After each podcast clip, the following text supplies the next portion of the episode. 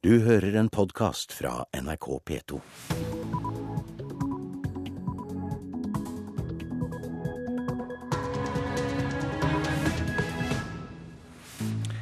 Øystein Heggen ønsker deg velkommen til P2s Nyhetsmorgen. Klokka 6.30 torsdag 14.2 er dette hovedsakene. Økonomer ber sentralbanksjefen kreve høyere boligskatt når han holder sin årstale i kveld.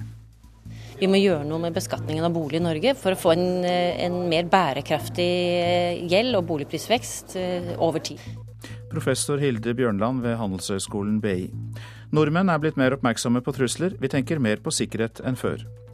Færre ønsker å føde ved Akershus universitetssykehus. Høsten og vinterens uro rundt sykehuset kan ha skremt gravide fra å føde der. Politiet advarer mot at leger gir folk fritak for å bruke bilbelte. Det å bli utsatt for en en kollisjon er betydelig verre enn om bilbeltet skulle stramme litt. Politioverbetjent Tom Roar Ellingsberg ved Gudbrandsdal politidistrikt. Boligprisene øker så mye at de kan gi sjokk i norsk økonomi. Derfor bør sentralbanksjefen be politikerne øke skatten på bolig når han holder sin årlige tale til politikerne i kveld. Det sier professor Hilde Bjørnland ved Handelshøyskolen BI.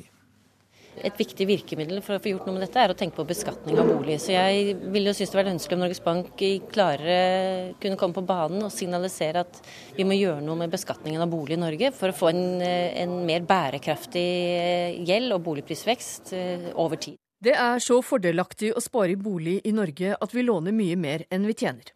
Noen kjøper flere hus for å spare skatt, sier sjeføkonom Elisabeth Holvik i Sparebank1-gruppen. Det motiverer jo mange som kom i formuesposisjon til å investere i bolig nummer to, tre og fire for å redusere formuesskatt. Men også gjelden hoper seg opp. Det kan gi nedtur når oljeprisen faller og rentene stiger. I kveld hører politikere og næringslivstopper sentralbanksjef Øystein Olsens årstale. Sentralbanksjefen bør anbefale politikerne å gjøre noe med det, sier Holvik. Vi vet historisk så har alle perioder der renten renta har blitt holdt mye lavere enn det den som er riktig ut fra den økonomiske temperaturen, så har det blitt etterfulgt av bobler og knall og fall. Så det å ikke ta hensyn til de tingene i dag, det er jo en veldig lite robust strategi, da. Sentralbanksjefen bør gjenta behovet for mindre oljepengebruk, og han bør foreslå for politikerne at de legger mer skatt på boliger. Det er i gode tider en kan stramme inn, sier økonomiprofessor Hilde Bjørnland ved Handelshøyskolen BI. Jeg vil ikke si at de er feige, men det er deres ansvar å lage et system som ikke bidrar til at det bygger seg opp ubalanser. Så eh, hvis de ikke vil gjøre noe med det, så må det jo være at de ikke mener det er et problem. At, ikke, at, vi har denne høye gjeldsveksten i norsk økonomi hos husholdningene. Eh, hvis de mener det er et problem, ja, da må man gjøre noe med det, ellers er man uansvarlig. Finanstilsynets to siste sjefer har begge ropt varsko. Gjelden har økt fra 125% av inntekten til 200% i løpet av få år. Eh, og det går fint å betjene i disse gode tider, når renten er lav. Men dersom norsk økonomi skulle komme i nedgangskonjunktur, arbeidsledigheten skulle stige eller rentene skulle øke, så vil det gi betydelige utfordringer for husholdningene og den gjeldsveksten. Så derfor, så bør, eh, derfor er det nå i de gode tider at man bygger systemer, eh, regelendringer, eh, retninger på politikken som gjør at man er robust for negative virkninger på sikt. Og det viktigste politikerne kan gjøre nå, er å lage skatte Eh, regler som gjør at man ikke har en overinvestering i bolig i forhold til andres formuesobjekter. Og sentralbanksjefens årstale er tema også i Politisk kvarter kvart på åtte. Reporter her Hedvig Bjørgum. Dagens samarbeid mellom Politiets sikkerhetstjeneste og helsearbeidere er ikke godt nok, sier informasjonssjef i PST Martin Berntsen til Vårt Land. PST benytter eh, gårsdagens trusselhendelse i Oslo til å be leger, psykologer og sykepleiere om å være flinkere til å melde ifra om personer som ønsker å ta liv. Tirsdag ble det slått full terroralarm i politiet. En passasjer på en buss varsla om at han hadde overhørt en annen fortelle at han skulle sprenge Stortinget. Mannen framsto som sjuk eller rusa, ifølge vitner. I helsepersonellova står det at helsearbeidere skal opplyse politi dersom dette er nødsynt for å avverge alvorlig skade på person.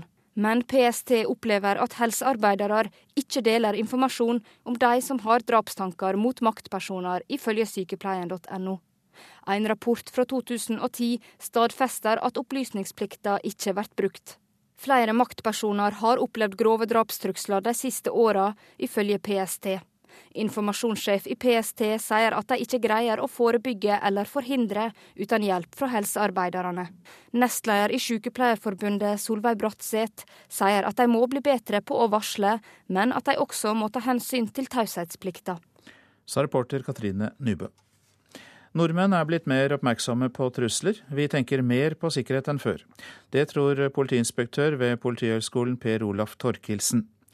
Over hele Norge kommer det inn trusler, og politiet opplever at det blir flere av dem. Det kan bety at vi reagerer på ting vi kanskje ikke reagerte på tidligere. En bombetrussel mot en ungdomsskole i Sarpsborg. På Gardermoen vil en mann bombe et fly. Og i Bodø skal et kjøpesenter sprenges klokka 11. Det kommer inn trusler over hele Norge. Togstrekninger, utesteder, postkontorer, skoler og universiteter. Politiet opplever at det blir flere. Eh, vi har nok sett, eh, og kanskje særlig etter eh, hendelsen 22.07, at frekvensen har økt. Det sier visepolitimester i Oslo Roger Andresen. Vi er mer på vakt, og med økt oppmerksomhet kommer også flere trusler. Utviklinga gjør at det blir flere sikkerhetstiltak i Norge, forteller politiinspektør ved Politihøgskolen Per Olaf Torkelsen. Det er en gradvis utvikling i at man blir mer og mer profesjonell, både i forhold til vurderingene, men også i forhold til eh, de nødvendige sikkerhetstiltakene man har. Det være seg adgangskontroll eller andre typer tekniske eh, hjelpemidler, og til det fysiske vaktholdet som det er lett å se fra utsiden.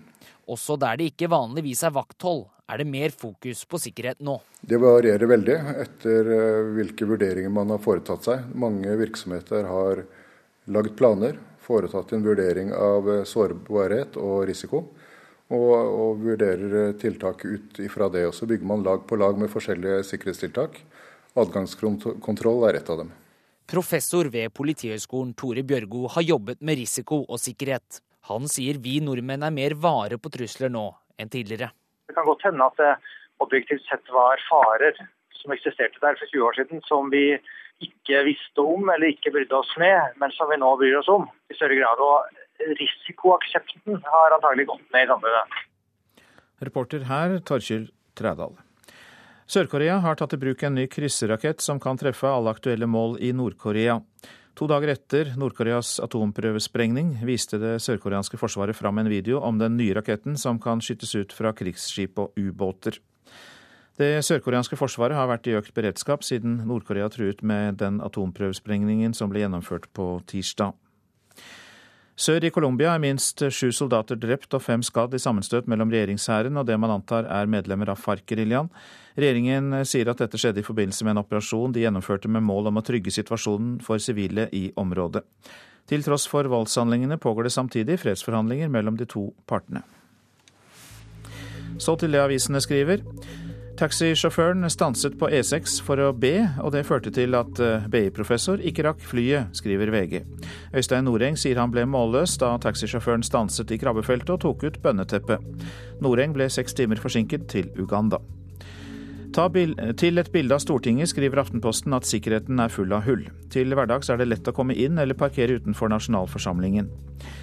Vil slå hardt til mot trusler, skriver Dagsavisen. Politiet varsler hyppige reaksjoner, og gårsdagens trusselsiktede knyttes til et høyreekstremt miljø. Tre ganger så mange trusler mot Nav, skriver Stavanger Aftenblad. Sist fredag sendte politiet væpnede styrker til et av kontorene i Sandnes etter at det ble, framsatt trusler. Tungt hjemme og på jobb, skriver Klassekampen. Forskningsrapport viser at det er menn i usikre jobber som frykter mest både for helse og familieliv. Skipsteds regionaviser lukker tilgangen, det er oppslaget i Dagens Næringsliv.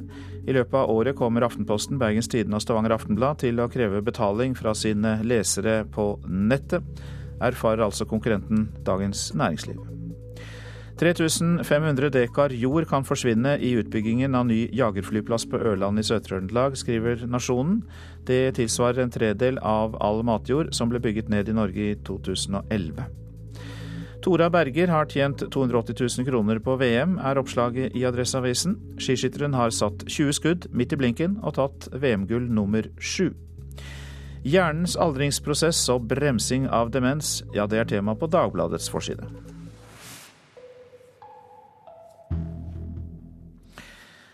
Det er 14. februar og valentinsdag. Enten vi liker det eller ikke, så er nok denne markeringen kommet for å bli. Vår reporter i Tromsø dro ut i gatene for å snakke om kjærlighet. At man er skikkelig glad i hverandre, og kanskje de er skikkelig kjærester. Så kan man sikkert gifte seg.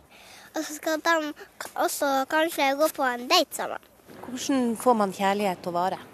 Pleie det gjennom mange år. Være venner og ta på hverandre og ja, være god med hverandre. Jeg er nesten kjæreste med hun min som står der. Bare nesten. Hva er kjærlighet? Nei, herregud, det er jo all verden, det. Uten det går det jo ikke. Hvordan får man kjærlighet til å vare? Når man skal ta hensyn til hverandre, og ikke kjefte til hverandre. Ja, det var Tove Jensen som spurte om kjærlighet i Tromsøs gater. Og god morgen til deg, Trine Eikrem. God morgen. Du er leder ved Enerhaugen familievernkontor i Oslo, og denne valentinsdagen er jo tradisjonelt feiret i engelskspråklige land, men så er den ja, kanskje ikke helt etablert i Skandinavia, men kommersielle aktører gjør så godt de kan for å få oss til å huske dagen. Like den, mm. bruke den. Hva syns du om valentinsdagen? Det er, jo fint å feire kjærligheten, samtidig som at én dag er litt lite. Hvis en skal få kjærligheten til vare, så er det jo jobbing og å være bevisst hele året. Så de 364 andre dager er like viktige som den ene.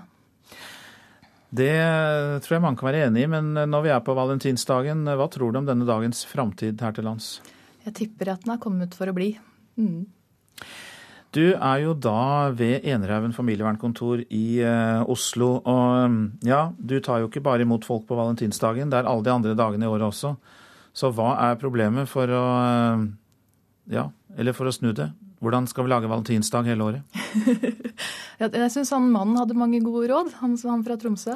At det er det å se hverandre og se de små tinga og gi hverandre oppmerksomhet og, og være til stede og vise den andre at vi bryr oss. Hvordan er det når du tar imot folk på familievernkontoret? Er det sånn at du gir dem helt konkrete råd om kjærligheten, eller prøver du å få dem til å snakke seg inn i det selv? Det beste er jo å få folk til å snakke seg inn i det sjøl. Mange vil ha råd, men råd fra andre de blir fortere glemt enn det en finner ut av å jobbe fram sammen. Så det er det som er målet vårt, at folk finner egne løsninger. Men det er jo en del tips som, som er lette å gi, da. Som f.eks. det å lytte. Og lytte samtaler helt, eller lytte den andre helt ut istedenfor å raskt komme med råd eller raskt tro at man har forstått og sånne ting. Nå renner du inn med oppfordringer fra kommersielle aktører for å bruke noen kroner på valentinsdagen.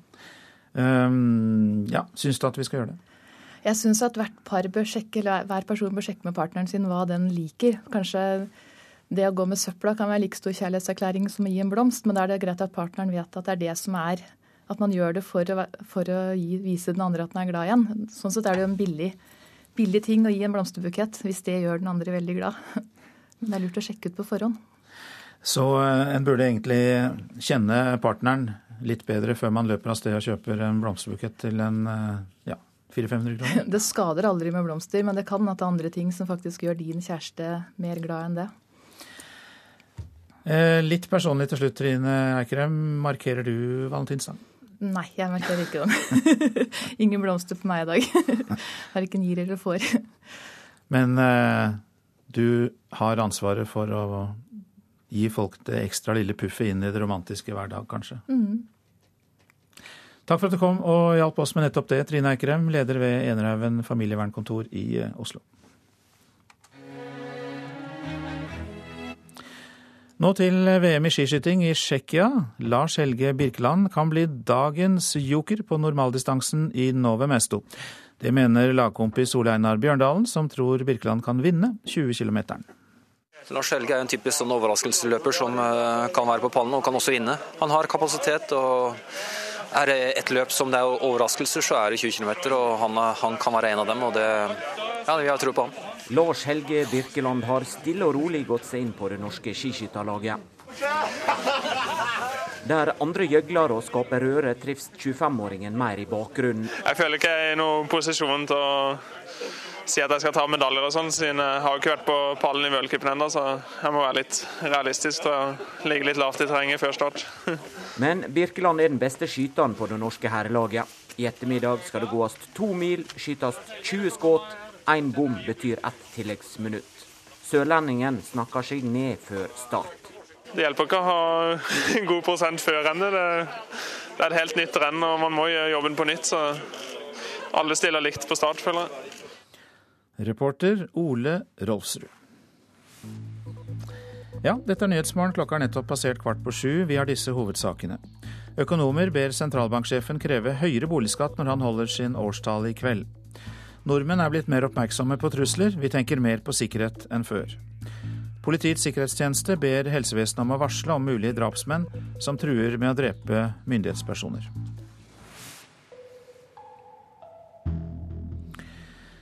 Høsten og vinterens bråk på Akershus universitetssykehus ser ut til å ha skremt gravide kvinner fra å føde der.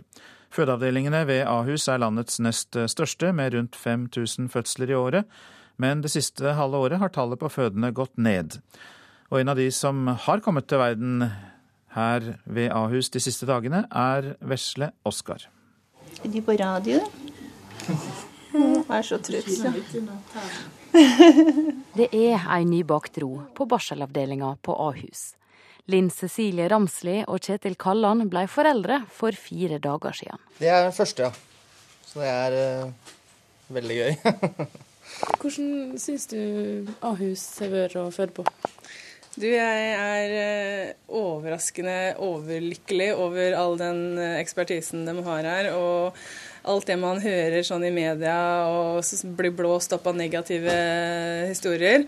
Det syns jeg er helt tragisk, fordi jeg har bare møtt blide, positive mennesker som har gjort jobben sin.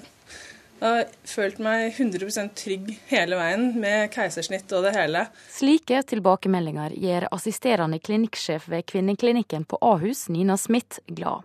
For i en periode har kvinner valgt seg vekk fra Ahus. I høst og vinter har tallene på fødende vært nedgående. I høst så sa sekretærene, som er de som sitter nærmest telefonen, at en del kvinner ringte og sa at de ville ha papirene tilbake, for de ønsket å føde et annet sted. Det kan jeg tenke meg kommer av at det har vært veldig mye negativt fokus på Ahus, og det har gjort at en del kvinner har blitt redd for å føde her. Og det kan jeg forstå. Men jeg kan også si at fødeavdelingen på Ahus er Norges nest største fødeavdeling. Vi har over 5000 fødsler, og det er trygt og godt og flott å føde hos oss. Smith håper at tallene vil normalisere seg snart, og sier at det er ingen grunn til å ikke søke seg til Ahus. Tall viser at det er ikke noe mer komplikasjoner ved Ahus enn ved andre sykehus. Syns du det er leit at folk eh, blir redde for å komme hit til dere? Ja, jeg syns det er leit at folk blir redde for å komme her. For det er ikke noen grunn til at de skal være det. Vi har eh, en veldig god og fin fødeavdeling med høyt kvalifisert personale. Akkurat nå sover han. Jeg har grått en del, men ja. nå går det bra. Inne på barselavdelinga er den nybakte familien straks klare for å starte hverdagen. Nei, nå eh, skal vi hjem i dag. Det er det fjerde døgnet til Oskar her, så nå har mor fått restituert seg litt, og vi er klare for avreise hvert øyeblikk, så det skal bli godt. Reporter på Ahus, Anette Holt Hansen. Kommunikasjonseksperter og valgforskere slakter Høyres utspill om kutt i formuesskatten. Hans Gelmeiden i kommunikasjonsbyrået Gelmeiden Kise mener dette er en tapersak for Høyre. Forslaget oppfattes som et forsøk på å gi privilegier til de rike, sier han til avisa Klassekampen. Professor og valgforsker Anders Todal Jensen ved NTNU tror Arbeiderpartiledelsen jublet da Erna Solberg la fram planene for den nye formuesskatten til Høyre. Mange privatbilsjåfører har fått fritak for å bruke bilbelte, viser tall fra Statens vegvesen. Både politifolk og Legeforeningen reagerer sterkt på at bilister, bl.a. gravide, søker fritak, og at de får det av legen sin. Da blir det jo magen som blir airbag. Det er jo helt, helt for ille. Tom Roar Ellingsberg er trafikkoordinator ved Gudbrandsdal politidistrikt. Han er sjokkert over at mange privatsjåfører starter opp og kjører av gårde uten bilbelte, fordi fastlegen har gitt dem fritak. Ifølge bilbelteforskriften kan du få fritak dersom du har medisinske grunner. Tall fra en stor landsomfattende bilbeltekontroll til Statens vegvesen viser at 50 av 7000 kontrollerte sjåfører hadde fritak for bilbelte. Betenkelig, sier Ellingsberg, som selv har møtt mange som har fritak for bruk av bilbelte. Da bør du kanskje ikke kjøre bil i hele tatt, hvis du ikke er i stand til å sitte i en bil uten belte. Det er det sikreste vi har, til tross for at det nå er, kommer airbag og både veier og biler er blitt sikrere på alle mulige måter, så er bilbelte fortsatt det sikreste du har. Det er fastlegene som innvilger søknader, og det er gjerne gravide og nyopererte som søker. Verken veimyndighetene eller helsemyndighetene kan overprøve fastlegenes vurderinger. Politiet ber legene tenke seg om. Eh, jeg ber nok kanskje vedkommende om å tenke seg om en gang ekstra. Det å bli utsatt for en, en kollisjon er betydelig verre enn å og bilbeltet skulle stramme litt i forbindelse med en bråstopp. Det finnes ikke tall for hvor mange som har fått fritak i Hedmark og Oppland. Frode Osterling er fastlege og leder for Legeforeningen i Oppland. Han mener at fastlegene ikke må få anledning til å kunne innvilge fritak. Det er en ordning som bør avskaffes. Det bør være på lik linje med andre regler i trafikken. Det vil si at vi kan godt komme med en en, en eh, medisinsk uh, vurdering, men så bør det være opp til uh, fylkeslegen eller, eller veimyndighetene å avgjøre om man skal få slippe eller ikke. Frode Osterling gir ikke fritak til sine pasienter. Det får de ikke. Det skal være helt eksepsjonelle årsaker til det. Jeg hører at gravide bl.a. er nevnt, og det, det, de skal i hvert fall bruke, bruke bilbelte. Fest beltet eller dropp kjøreturen, sier fastlegen. Hvis de er så svekka eh, at de ikke skal bruke bilbelte, så må man jo lure på om de bør kjøre bil i det, i det hele tatt. Ja, det sa fastlege og leder i Legeforeningen i Oppland, Frode Osterling, til reporter Geir Rød. Norske teater er kjønnsstereotype. Det mener teatersjef ved Hålogaland teater, Nina Wester. Med svensk hjelp formidler hun det motsatte, en musikal om en transedronning som jakter på kjærligheten etter en mislykket kjønnsoperasjon. Hører du hva jeg sier? Alive! Jeg er den nye Berlinmuren! Prøv å med megafon og lilla platåhæler så finpusser transedronninga på stilen for kveldens premiere. Hun tar sin plass og krever å bli hørt, sjøl om hun er verken kvinne eller mann. Og det tenker jeg Vi er veldig opptatt av normalitet i vårt samfunn. Og da tenker jeg at teaterscenen er en naturlig arena for å leke med andre typer ideer om hvem man kan være. Teatersjef Nina Wester mener norske teater er for lite flink til å sette opp stykker som 'Hedvig and the Angry Inch'. Stykker som utfordrer det tradisjonelle synet på kjønn og makt, og på hva som er vanlig. Det skal ikke så veldig mye til før man havner utafor normen. Og det tenker jeg enten man er liksom i en annen etnisk gruppe, eller man har en annen seksuell legning eller annen hudfarge, så havner man veldig fort utafor normen, og det syns jeg er fortrykkende. Sånn at eh, det er alltid teatret og kunstens oppgave synes jeg, å på en måte vise og gi rom for de andre stemmene som ikke til vanlig blir hørt. Regissør Mathias Brunn hjelper Hedvig med å ta transa helt ut. Skal vi ligge med hverandre? Måste liksom være mye med på. Brunn har jobba med kjønn og seksualitet på svenske scener i mange år, og nå er han henta til Tromsø. Om vi ser på menn, at de har uh de ska vara stora, helst stora kroppar, de ska ha mycket makt, de ska tala med hög röst, mörk röst oftast. Eh, om man pratar om kvinnor så är det oftast i motsatsen. De är servande roller, de ska hjälpa, stötta de bärande, bärande huvudrollerna som då är mäns. Och vad är problemet med det? det känns inte, jag tycker inte det känns relevant, jag tycker inte det känns sant. Vi reproducerar någonting som känns som en, en rest från sent 1800-tal och det, det, det, det, då gör inte att vi ligger i samhällsdebatten.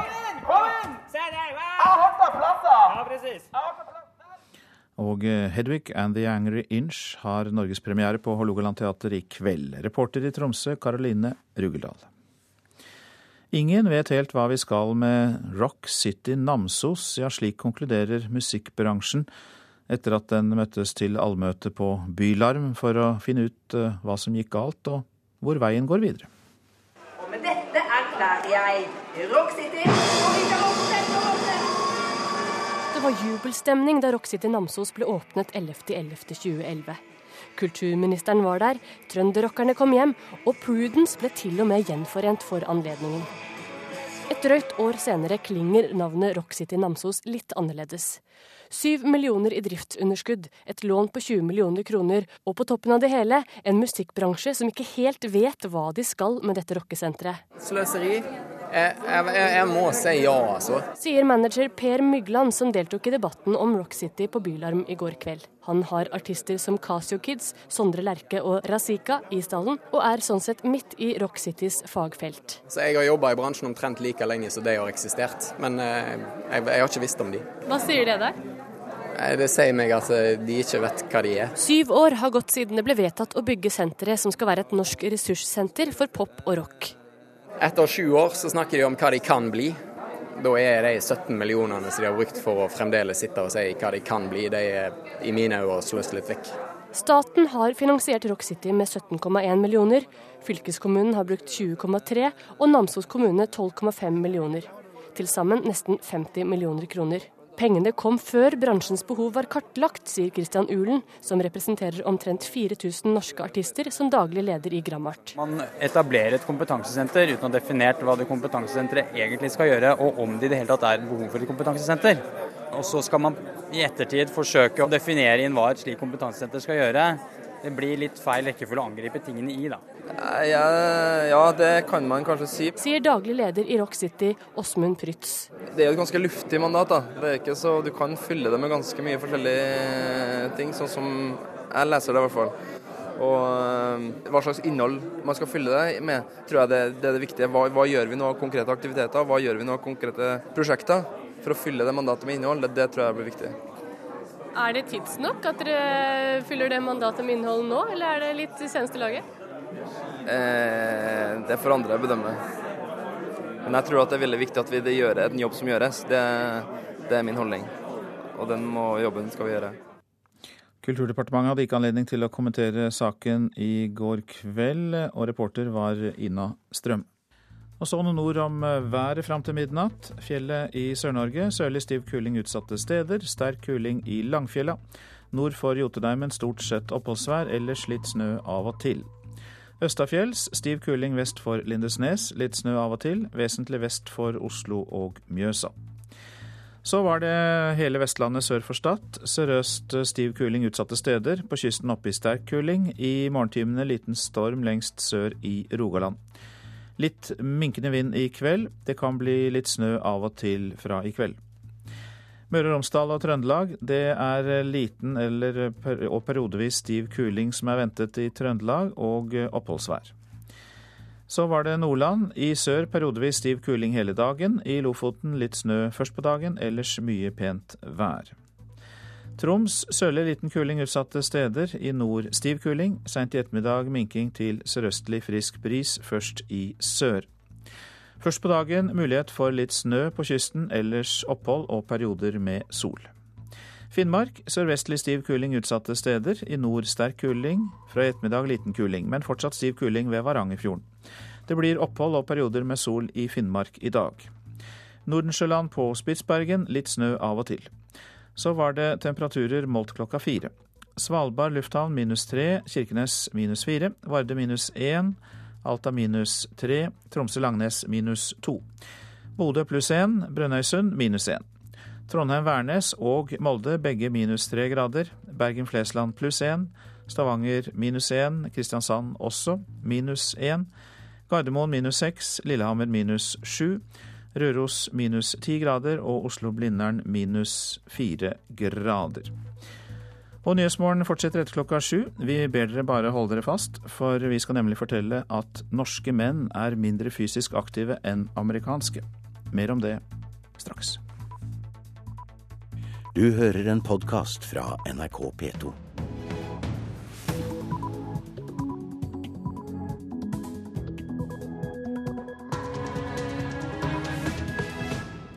Ja, klokka den er sju. Du lytter til Nyhetsmorgen med Øystein Heggen i studio. Her er en nyhetsoppdatering.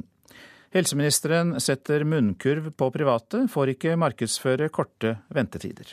Og jeg mener at det eh, er et ansvar som er en del av den pakka du har, om du har en avtale med det offentlige, at du må informere om det offentlige tilbudet. Og Da kan denne pasienten velge å ta det korte ventetiden på et annet sykehus, framfor å betale av egen lomme på det instituttet.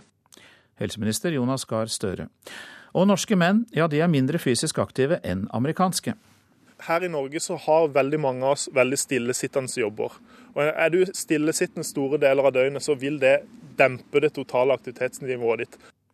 Bjørge Herman Hansen, forsker ved Norges idrettshøgskole. Kristelig Folkeparti kommer ikke til å sitte i en regjering som fjerner eller gjør et kraftig kutt i pappapermen. Nordmenn er blitt mer oppmerksomme på trusler. Det fører til at vi tenker mer på sikkerhet enn før. En gradvis utvikling i at man blir mer og mer profesjonell, både i forhold til vurderingene, men også i forhold til eh, de nødvendige sikkerhetstiltakene man har. Politiinspektør ved Politihøgskolen i Oslo, Per Olaf Torkildsen. Økonomer ber sentralbanksjefen kreve høyere boligskatt når han holder sin årstale i kveld. Helseministeren nekter private røntgeninstitutter å fortelle pasientene at de kan slippe å stå i kø dersom de betaler selv. Munnkurven gjelder de instituttene som har avtale med det offentlige, helsevesenet. I Oslo-området er ventetiden flere uker for en MR-undersøkelse med vanlig egenandel. Her på Bryn hvor vi sitter nå, så er det 13 uker på uprioriterte MR-undersøkelser. Og eh, her kan man komme til i løpet av to til tre dager. Men det er hvis pasienten betaler hele regningen selv. Tom Asp er direktør i Unilabs Røntgen. De har avtale med Helse Sør-Øst, som kjøper undersøkelser for sine pasienter. Våre retningslinjer er klart sånn at hvis pasienten godtar den timen de får, så skal vi ikke fortelle dem om eh, at det er mulig å komme til raskere mot å betale hele undersøkelsen selv. For sånn er pålegget fra helseministeren. Pasienter som er henvist til private, skal ikke motta tilbud om å betale selv for å slippe å stå i kø. Det jeg vil presisere, er at de først har et ansvar for å informere om det offentlige tilbudet. Sier Jonas Gahr Støre. Og jeg mener at det eh, er et ansvar som er en del av den pakka du har, om du har en avtale med det offentlige, at du må informere om det offentlige tilbudet. Og Da kan denne pasienten velge å ta det korte ventetiden på et annet sykehus, framfor å betale av egen lomme på det instituttet. Virksomheter som bryter reglene, risikerer i verste fall å miste avtalen med det offentlige. I Helse Sør-Øst er det først og fremst MR-undersøkelser som skaper kø. Hastepasienter slipper alltid til, men ellers er ventetiden stort sett på mange uker. Kristen Seierstad betaler gladelig regningen på et par tusen kroner. Vi slipper å vente. Jeg syns det er verdt penga. Han er sammen med kona på Røntgen i Oslo for at hun skal få tatt en MR-undersøkelse. For at uh, ja, besvimt og vært kvalm og sånn i det seinere. Og så skal vi ut og reise om ei uke, så vi ville gjerne ha fått sjekka det før vi drar, da. Kåre Oppland er direktør ved Kurato. Han gjør som helseministeren sier, men Når pasientene da ringer inn og blir nærmest desperate pga. den lange ventetiden, så er det naturlig for oss å opplyse om at det er mulig å få MR-time dagen etterpå. Men er det greit at eh, de som har råd kan betale seg forbi køen? Helse er jo et offentlig anliggende. Men når det er lange ventelister, så blir det også et marked for selvbetalende. Privatbetalende gjør dessuten den offentlige køen kortere, mener han. Det argumentet har Jonas Gahr Støre liten sans for. Han mener at eget kjøp av helsetjenester med pasientens penger ikke er en effektiv måte å øke den totale kapasiteten på. Helsebehov skal styre prioriteringene, ikke personlig økonomi. Men hva er det da som står i sentrum? Er det pasienten, eller er det det offentlige helsevesenets funksjon? Det er helt selvsagt pasienten. Men pasienten skal rett til å vite hvor du kan få gratis og god behandling. Før du eventuelt skal behandle, eh, ta en behandling med egne penger. Og reporter, det var Katrin Hellesnes. Jeg har snakket med Steinar Westin om dette reklameforbudet for røntgeninstitutter med offentlig avtale. Han er professor i sosialmedisin og selv fastlege. Det høres kanskje litt rart ut, men, men, det er en ganske sterk tradisjon i helsetjenesten for at vi vil ha ja, det du kaller reklameforbud. Vi vil ikke at det skal reklameres for eh, behandlinger og medikamenter overfor pasienter. og dette som uh, det nå snakkes om, kan jo veldig lett bli oppfattet som reklame for et tilbud i helsetjenesten. og det Jeg har sans for at man skal begrense det. Men er det ikke urimelig for de som driver privat virksomhet, som tross alt lever av å kapre kunder?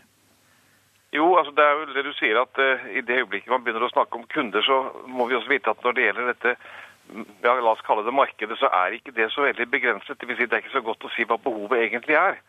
Og her er det slik at uh, den som tilbyr tjenesten, lett kan bidra til å skape et mye større behov enn det kanskje egentlig er medisinsk grunnlag for. Og Derfor er vi litt redde for at dette markedet skal ekspandere.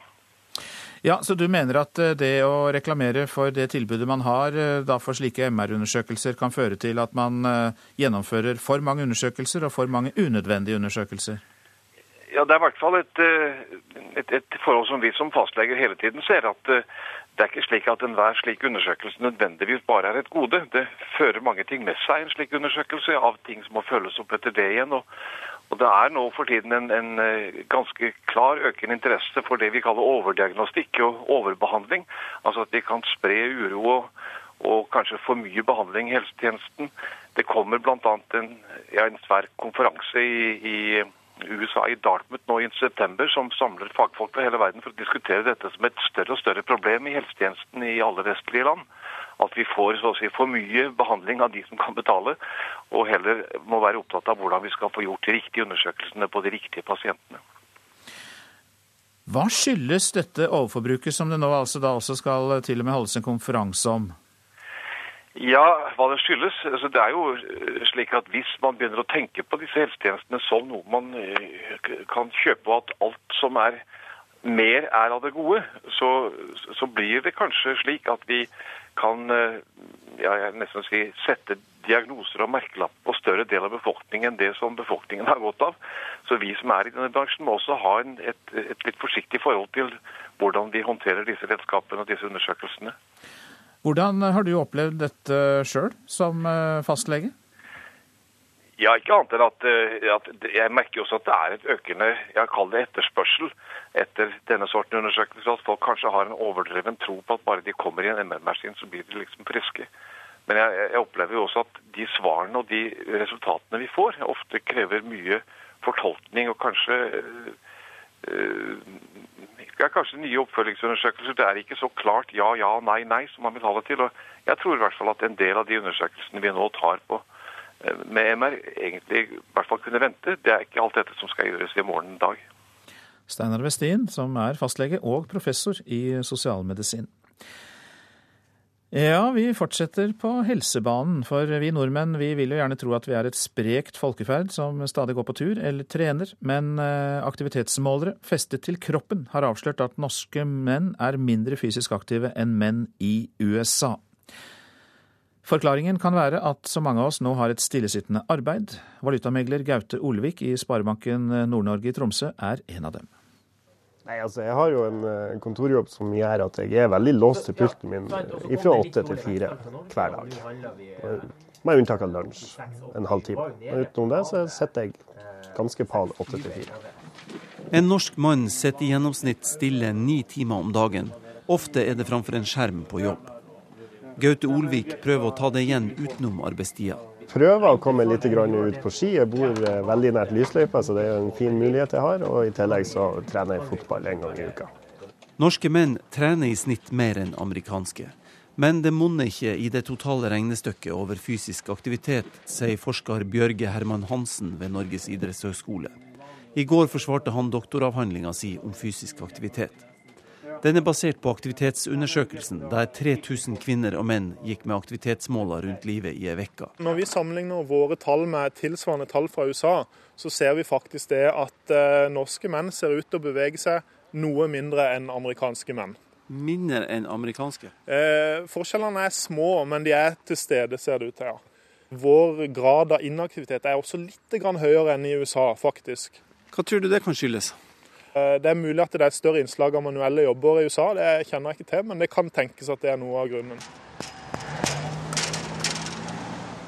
På et gatehjørne i den amerikanske byen Betesta i Maryland jobbes det med håndkraft for å klargjøre en ny byggetomt.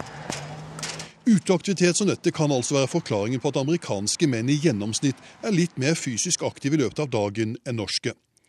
På slike arbeidsplasser blir det mye løfting og løping fra tidlig om morgenen til seint på kvelden. Amerikaneren Steve er ingeniør og bygningsarbeider med en fysisk aktiv hverdag. Han blir svært forbauset over å høre at amerikanske menn skårer bedre enn nordmenn på fysisk aktivitet, og ville aldri ha gjettet den konklusjonen. I, I would not guess that if I, I was asked that question who is fitter, Norwegians or Americans. Uh, I kind of think Americans are you know, sitting in front of the couch watching TV. Jeg trodde mange amerikanske menn tilbrakte mye tid foran TV-en, sier Steve.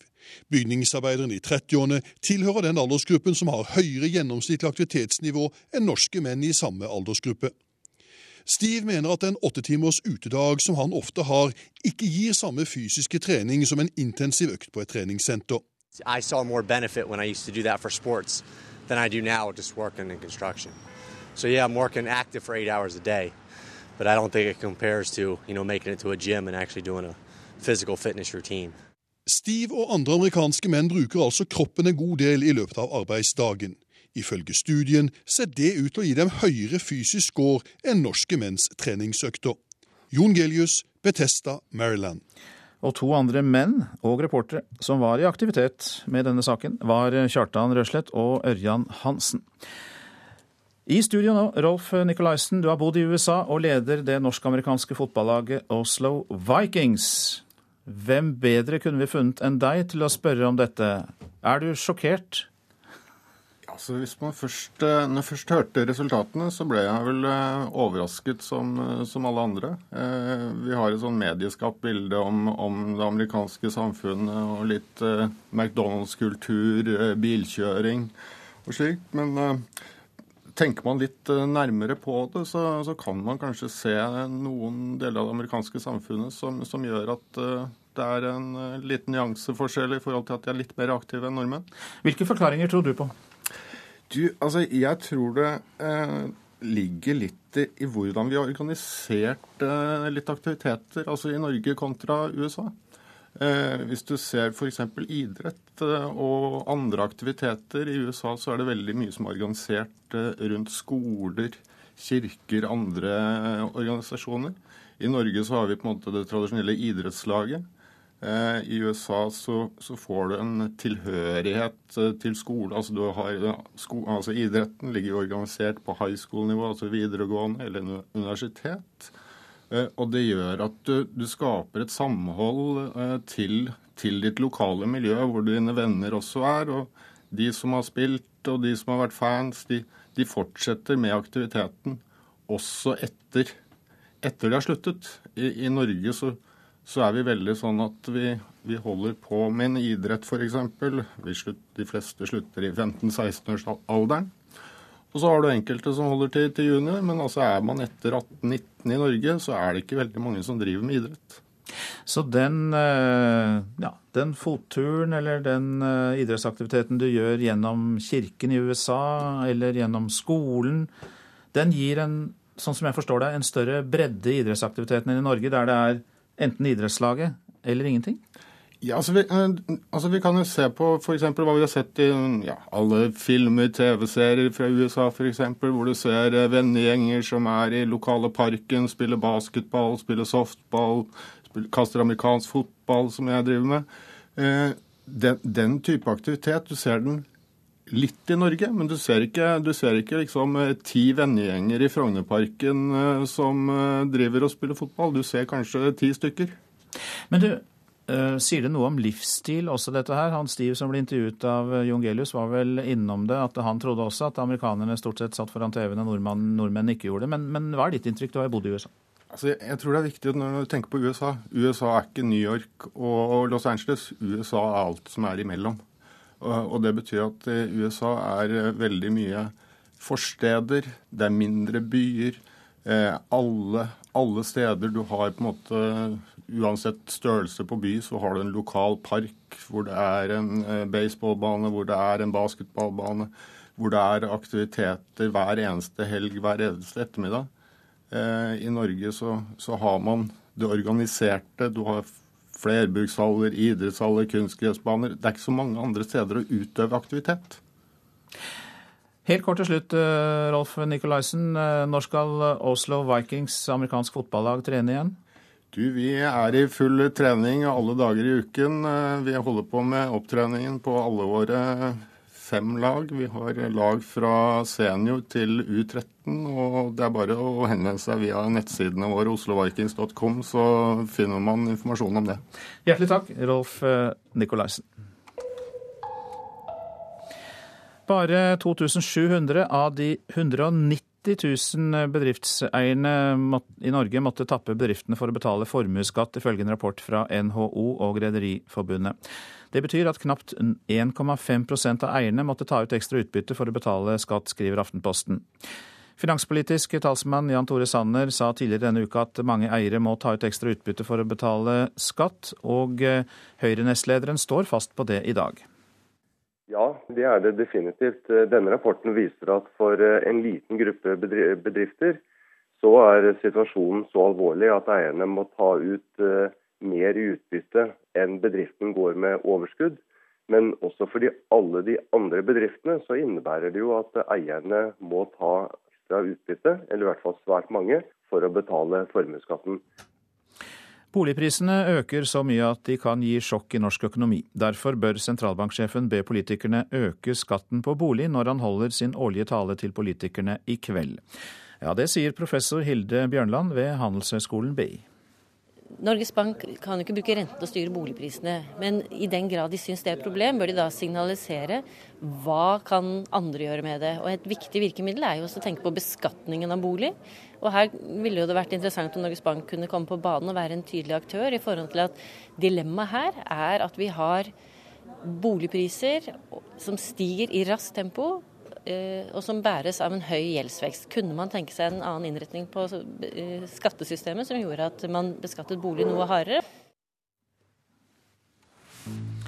Ja, dette er Nyhetsmorgen. Klokka passerte nettopp 7.17, og dette er hovedsaker. Helseministeren setter munnkurv på private røntgeninstitutter, får ikke markedsføre korte ventetider.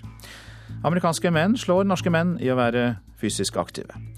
Og vi skal høre at eh, KrF vil gi foreldrene mer valgfrihet, eh, nekter å sitte i en regjering som fjerner eh, pappapermen.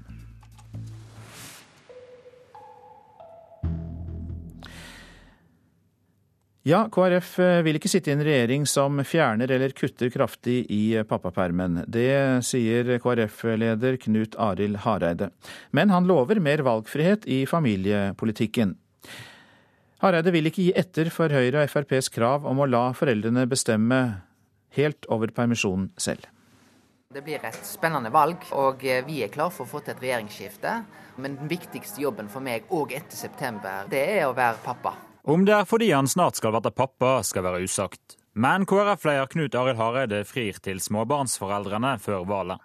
Mer og mer fleksibel kontantstøtte foreldrepermisjon til studenter og flere barnehageopptak i alle kommuner skal gi større valgfridom til foreldre. Ja, vi ønsker å si til småbarnsfamiliene at nå skal de få bestemme.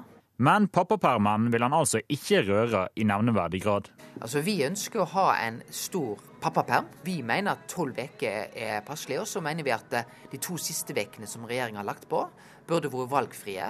Vi ønsker mer valgfrihet, mer eh, fleksibilitet. Valgfridom er òg overskrifta når Fremskrittspartiet og Høyre og Linda Hofstad Helleland har sagt tydelig ifra om at de vil fjerne vekene som er satt av til far, så snart de måtte komme til makta. Det, det, står jeg på. Detaljstyring fra politikerne, det har vi nå eh, fått nok av. Det er den store frykta til SV-leder Audun Lysbakken om det skulle vært et regjeringsskifte etter valget. Jeg vet at KrF ikke ønsker det, men, eh, men, jeg frykter at de i et regjeringssamarbeid med Høyre og Fremskrittspartiet vil måtte gi etter på det punktet. Det vil bety at mange fedre ikke lenger har den retten å slå i bordet med når de eh, møter sjefen på jobben, eh, eller for så vidt mamma hjemme, og man skal diskutere fordelingen av uker. Men det avviser Knut Arild Hareide. Han går så langt som å si at KrF ikke vil sitte i ei regjering som fjerner pappapermisjonen. Den store forandringen på dette feltet vil det ikke bli med KrF i regjering. Knut Arild Hareide til reporter Sølve Rydland. Nordmenn er blitt mer oppmerksomme på trusler. Det fører til at vi tenker mer på sikkerhet enn før. Det tror politiinspektør ved Politihøgskolen Per Olaf Torkildsen. Politiet opplever at de oftere får meldinger om trusler enn tidligere. En slik utvikling fører til mer oppmerksomhet rundt f.eks. vakthold, sier Torkildsen. Det er en gradvis utvikling i at man blir mer og mer profesjonell, både i forhold til vurderingene, men også i forhold til eh, de nødvendige sikkerhetstiltakene man har. Det være seg adgangskontroll eller andre typer tekniske eh, hjelpemidler, og til det fysiske vaktholdet som det er lett å se fra utsiden. Sør i Colombia er minst sju soldater drept og fem skadd i sammenstøt mellom regjeringshæren og det man antar er medlemmer av FARC-geriljaen. Regjeringen sier at dette skjedde i forbindelse med en eh, operasjon de gjennomførte med mål om å trygge situasjonen for sivile områder. Men til tross for voldshandlingene pågår det samtidig fredsforhandlinger mellom de to parter. USAs president Barack Obama lover at Japan kan være trygg på at de er en del av USAs atomforsvar. Uttalelsen kom i en telefonsamtale med Japans statsminister og skjer i lys av Nord-Koreas atomprøvesprengning tirsdag. Sør-Korea har tatt i bruk en ny krysserakett som kan treffe aktuelle mål i Nord-Korea. To dager etter Nord-Koreas atomprøvesprengning viste det sørkoreanske forsvaret fram en video om den nye raketten som kan skytes ut fra krigsskip og ubåter. Ifølge en talsmann for Forsvaret kan raketten treffe en gjenstand på størrelse med et vindu i en bygning, og alle aktuelle mål. I dag eh, faller dommen i Oslo tingrett mot den 47 år gamle mannen fra Rwanda som er tiltalt for medvirkning til massedrap i hjemlandet i 1994. Aktor har lagt ned påstand om 21 års fengsel, men tiltaltes forsvarere mener han må frifinnes av mangel på bevis. Afrikakorrespondent Lars Sigurd Sunnanå, du har vært i Rwanda og fulgt saken derfra. Hva sier folk om uh, rettssaken? Ja, Massedrapene han er tiltalt for skjedde i byen Kibungo, ca. ti mil sør for hovedstaden Kigali. Og det er først og fremst der at rettssaken i Oslo er blitt fulgt med stor interesse. Den tiltalte er vel kjent i byen. Hans bror bor der fortsatt med sin familie. Og vitner til massedrapene som jeg møtte, og pårørende til flere av de drepte, ga klart uttrykk for at de var svært glade for rettssaken i Norge. Det viktigste for dem var likevel ikke hvilken straff han eventuelt vil få, men det faktum at han endelig måtte stå til rette for det de så, sa de hadde sett ham gjøre under blodbadet, som krevde rundt 2000 menneskeliv. Som et av vitnene fortalte meg, han hadde mistet kona og fem barn i massakren. Folk her lyver ikke om ham, han drepte Guds barn. Men skulle han komme tilbake og be om tilgivelse, vil han få det. Den tiltalte har jo argumentert, argumentert for at han eh, under massakren hjalp tutsier, altså hjalp eh, ofre for massakre. Hvor troverdig er det? Ja, Det vil jo dommen gi svar på når den faller i formiddag, men det er ikke på noen måte hans humanitære egenskaper han huskes best for i Kibungo. Hvor, hvor, unikt er det at en mann som eh, beskyldes for medvirkning under dette folkemordet i Rwanda, blir stilt for retten i et annet land? Nei, Det er ikke spesielt unikt. Eh, for det første så har jo FN opprettet en egen straffedomstol for Rwanda i Arusha i Tanzania. Og det er ellers ført rettssaker i en rekke land mot deltakere i folkemordet. I forfjor ble f.eks. For en rwandisk asylsøker dømt til livsvarig fengsel i Nederland for sine aktiviteter i Rwanda for snart 19 år siden. Også i Canada, dit svært mange rwandere flyktet etter folkemordet, har det vært flere rettssaker, men fortsatt går nok hundrevis av deltakere fri i landene der de har søkt tilflukt utenfor Rwanda.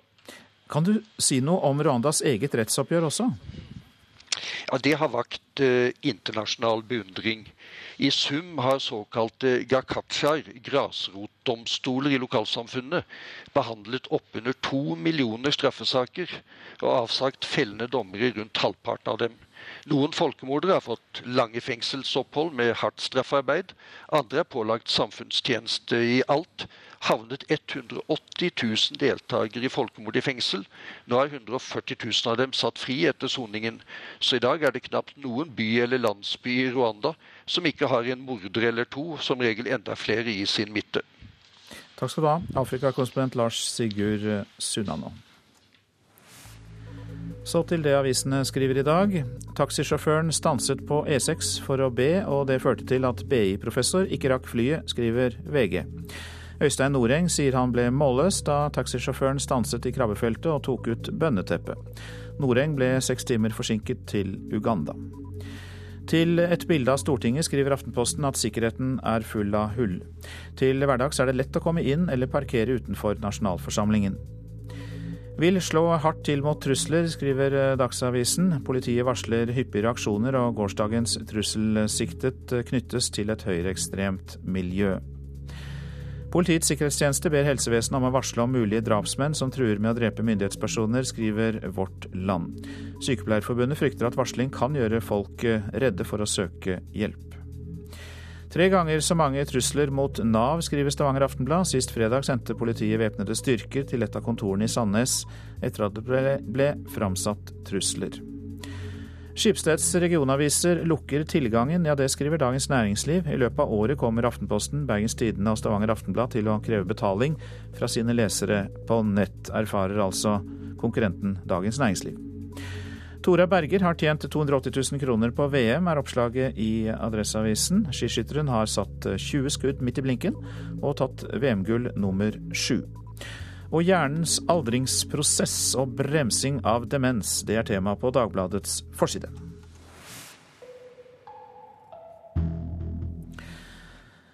Bøndene liker dårlig de gammeldagse trafikkreglene for traktorer.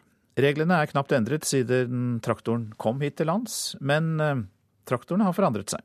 Det gjør at unge bønder må ha rådyrt vogntogsertifikat for å kjøre nye og raske maskiner. En stor John Deere-traktor med 125 hestekrefter pryder tunet til bondelagsleder i Eid, Knut Tore Nesgjelle. Denne traktoren går i 50 km i timen. Skal en ung bonde som tok sertifikatet etter 2005 kjøre en slik, trengs det sertifikat for vogntog. Ja, det er litt for voldsomt. Og inntektene i, i landbruket i dag står dessverre ikke i stil til at en skal måtte betale 100 000 for et uh, vogntogsertifikat for å, å, kjøre traktor. Det bidrar iallfall ikke til rekruttering heller. Bondelaget og Traktor- og landbruksmaskinimportørenes forening krever nå at reglene blir moderniserte. Mellom annet vil de ha bort reglene om vogntogsertifikat for traktorer som går over 40 km i timen.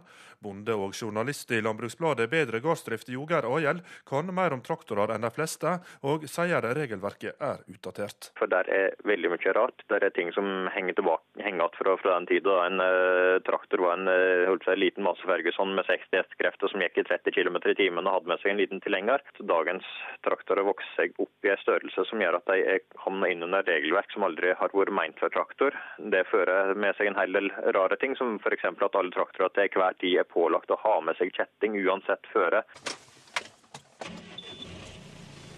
Inne i førerhuset til Nes Gjelle sin traktor er det lett å skjønne at utviklinga har gått sin gang siden gråtassen kom til Norge. Lyden av motoren er knapt sterkere enn i en lastebil. Kjøringer og automatiske girsystem gjør kjøringa med den 4,5 tonn tunge traktoren behagelig og lettvint. Ja, det er en fin eh, arbeidsplass dette her. Jeg sitter fort en, eh, en 700-800 timer inni her. Traktorene har blitt eh, større og, og, mer effektive, akkurat sånn som landbruket har blitt. Og regjeringa vedgår at dagens regelverk er utdatert på en rekke områder.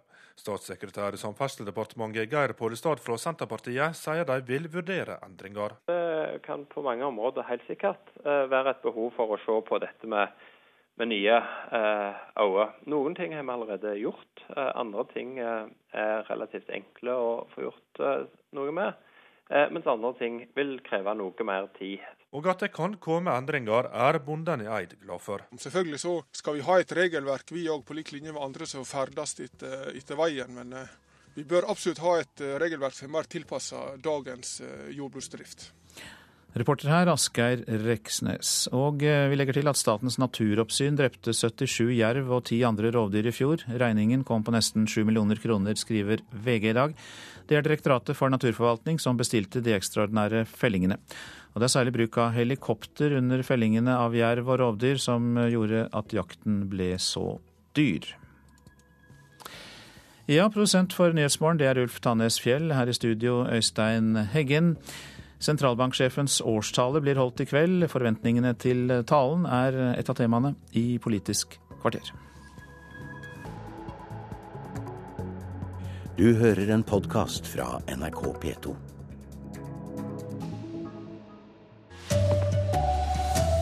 Helseministeren vil ikke at private røntgeninstitutter skal få markedsføre korte ventetider.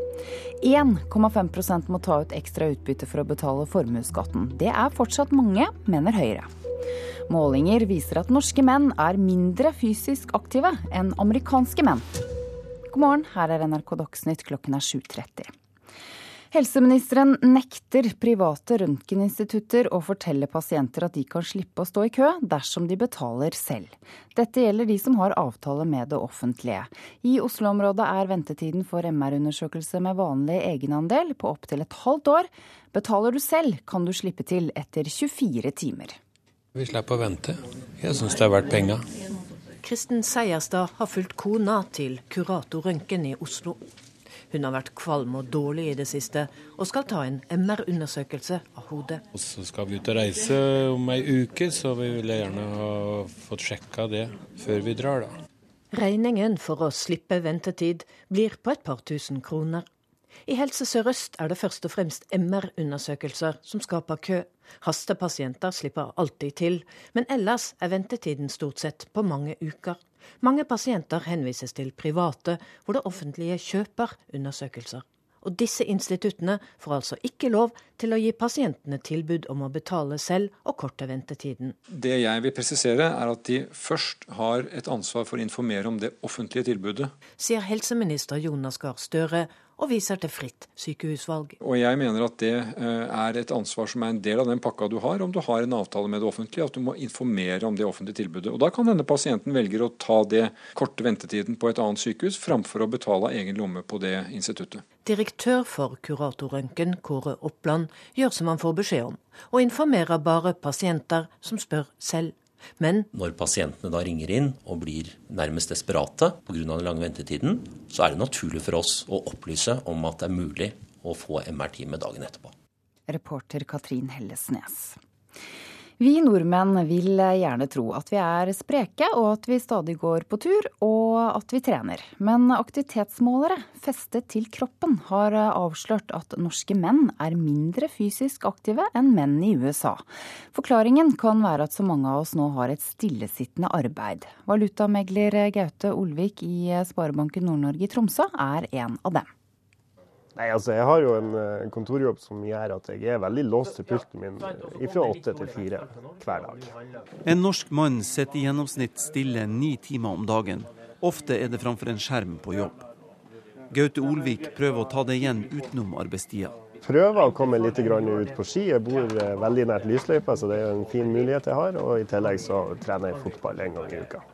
Norske menn trener i snitt mer enn amerikanske. Men det monner ikke i det totale regnestykket over fysisk aktivitet, sier forsker Bjørge Herman Hansen ved Norges idrettshøgskole. I går forsvarte han doktoravhandlinga si om fysisk aktivitet. Den er basert på aktivitetsundersøkelsen, der 3000 kvinner og menn gikk med aktivitetsmåler rundt livet i ei uke. Når vi sammenligner våre tall med tilsvarende tall fra USA, så ser vi faktisk det at eh, norske menn ser ut til å bevege seg noe mindre enn amerikanske menn. Vår grad av inaktivitet er også litt høyere enn i USA, faktisk. Hva tror du det kan skyldes? Eh, det er mulig at det er et større innslag av manuelle jobber i USA, det kjenner jeg ikke til, men det kan tenkes at det er noe av grunnen. På et gatehjørne i den amerikanske byen Betesta i Maryland jobbes det med håndkraft for å klargjøre en ny byggetomt. Uteaktivitet som dette kan altså være forklaringen på at amerikanske menn i gjennomsnitt er litt mer fysisk aktive i løpet av dagen enn norske. Amerikaneren Steve er ingeniør og bygningsarbeider med en fysisk aktiv hverdag. Han blir svært forbauset over å høre at amerikanske menn skårer bedre enn nordmenn på fysisk aktivitet, og ville aldri ha gjettet den konklusjonen.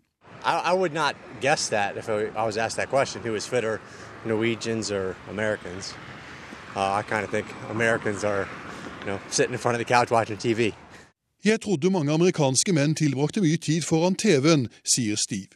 Bygningsarbeideren i 30-årene tilhører den aldersgruppen som har høyere gjennomsnittlig aktivitetsnivå enn norske menn i samme aldersgruppe. Steve mener at en åttetimers utedag som han ofte har, ikke gir samme fysiske trening som en intensiv økt på et treningssenter. So yeah, I'm working active for eight hours a day, but I don't think it compares to you know making it to a gym and actually doing a physical fitness routine. Hørte Jon Gelius, korrespondent i USA, og også reportere Kjartan Røslett og Ørjan Hansen. Nordmenn har eh, blitt mer oppmerksomme på trusler, og det fører til at vi tenker mer på sikkerhet enn før, sier politiinspektør ved Politihøgskolen Per Olaf Torkelsen. Politiet sier de oftere får meldinger om trusler, og det fører til mer oppmerksomhet rundt bl.a. vakthold, sier Torkelsen.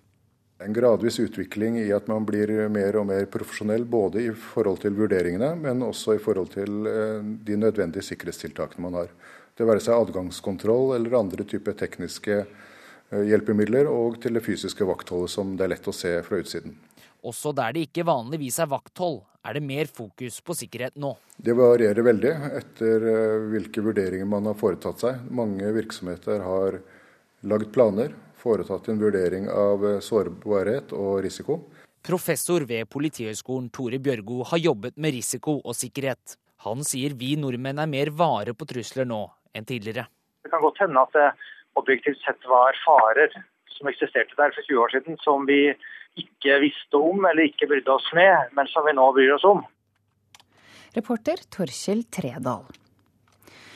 Bare rundt 1,5% av de som eier sin egen bedrift, tappet bedriften for å betale formuesskatt i 2010, skriver Aftenposten. Et viktig argument for Høyre når de denne uken har foreslått å kutte formuesskatten, har vært at mange må ta ut ekstra utbytte. Høyre holder på sitt fortsatt, ifølge partiets finanspolitiske talsmann Jan Tore Sanner. Ja, det er det definitivt. Denne rapporten viser at for en liten gruppe bedrifter så er situasjonen så alvorlig at eierne må ta ut uh, mer i utbytte enn bedriften går med overskudd. Men også for de, alle de andre bedriftene så innebærer det jo at eierne må ta ekstra utbytte, eller i hvert fall svært mange, for å betale formuesskatten. Bare 2700 av 190 000 personlige eiere tok ut ekstra utbytte for å betale formuesskatt i 2010. Altså utbytte større enn overskuddet. Det går fram av en rapport som NHO og Rederiforbundet fikk laget i fjor. Et av Høyres kronargumenter mot formuesskatten har nettopp vært at bedrifter tappes for å betale skatt. Dere har sagt mange må ta ut ekstra utbytte for å betale skatt. Er 1,5% mange? Det 1,5 eh, henvises til, det er eh, antallet som må ta mer i utbytte enn bedriften går med overskudd. Men eh, de aller, aller fleste må ta utbytte for å betale formuesskatten. Vårt poeng er at uh, trapper du ned formuesskatten, kan mer kapital bli igjen i bedriften til nye investeringer og nye arbeidsplasser. Reporter Katrin Hellesnes. Boligprisene øker så mye nå at de kan gi sjokk i norsk økonomi. Derfor bør sentralbanksjefen be politikerne øke skatten på bolig når han holder sin årlige tale til politikerne klokken 18 i kveld. Det mener professor ved Handelshøyskolen BI, Hilde Bjørnland. Norges Bank kan jo ikke bruke renten å styre boligprisene, men i den grad de syns det er et problem, bør de da signalisere hva kan andre gjøre med det. Og Et viktig virkemiddel er jo også å tenke på beskatningen av bolig. Og Her ville jo det vært interessant om Norges Bank kunne komme på banen og være en tydelig aktør, i forhold til at dilemmaet her er at vi har boligpriser som stiger i raskt tempo, og som bæres av en høy gjeldsvekst. Kunne man tenke seg en annen innretning på eh, skattesystemet som gjorde at man beskattet bolig noe hardere? Så sport. Verdens beste skøyteløper Sven Kramer mener han kunne vært mye bedre forberedt før allround-VM på Hamar til helgen. Nederlenderen har nemlig nedprioritert kortere distanser for å bli enda mer suveren på 5 og 10 000 meter til OL i Sotsji. Alt jeg gjør er for å bli best mulig til Sotsji. For meg handler det utelukkende om å bli enda bedre på 5 og 10 000 meter. Sven Kramer gjør som han vil og prioriterer knallhardt framfor OL i Sotsji neste år. Det går på bekostning av allround-VM på Hamar til helga. Jeg trener mer på sprintdistansene før. Nå fokuserer jeg hardere på de lengre distansene ved å tenke rundetider og sitte time ut og time inn på sykkelen for å bli komfortabel. Likevel er han sikker på at han ikke blir snytt for gullet av motstandere som Norges Håvard Bøkko og Sverre Lunde Pedersen til helga. It's still enough to, to to get a chance for being world championship. Reporter Mats Håby. Ansvarlig for denne sendingen Anne Skårseth, Hanne Lunås og Ida Creed. Dette er Nyhetsmorgen. I Bangladesh er det omfattende uro pga. en rettssak. Saken er rettet mot opposisjonspolitikere, og anklagene går helt tilbake til 1971.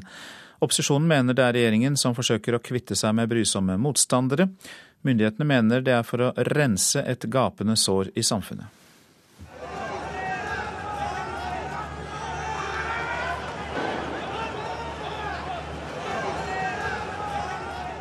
En mann i sorte klær ligger livløs på fortauet. To menn holder i armene hans og forsøker å slepe ham vekk fra gaten. Rundt dem er det flere menn med kjepper. Nok en gang er det uro i Bangladesh pga. en krig som varte i ni måneder i 1971.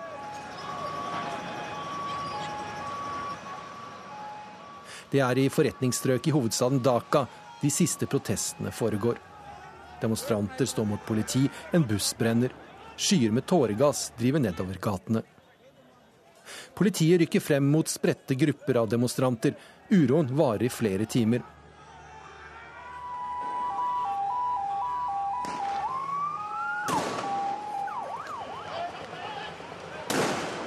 Politifolkene har hjelmer og skuddsikre vester. De bruker pumphagler til å skyte gummikuler mot demonstrantene.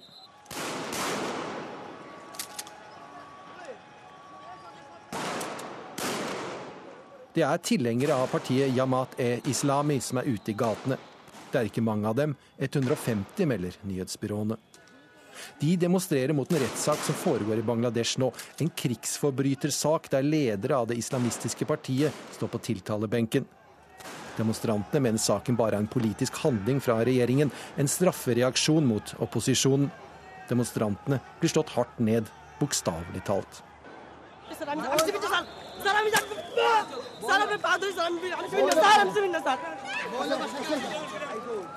En ung mann i rød skjorte, han er fortsatt i tenårene, blir holdt fast av to politimenn mens han blir slått med kjepper. Også ungdomsorganisasjonen til Jamaat-e-Islami er ute for å demonstrere. Det har de gjort i flere uker. Selv om ingen av medlemmene har hatt noe å gjøre med ugjerningene som ble begått i Bangladesh under frigjøringskrigen mot Pakistan, som startet for snart 42 år siden. কথা আর তার পারিষদদের গোপন শত্রুতাকে পুঁজি করে ইংরেজরা দখল করে নেয় বাংলার মসনদ সতেরোশো সাতান্নর তেইশে জুন ভাগীরথী নদীর তীরে পলাশির প্রান্তরে অনিবার্য এক যুদ্ধে Det var en usedvanlig brutal krig med store regulære og irregulære troppestyrker som sto mot hverandre. India støttet til slutt opprørerne i det som den gang var kjent som Øst-Bengal, eller Øst-Pakistan.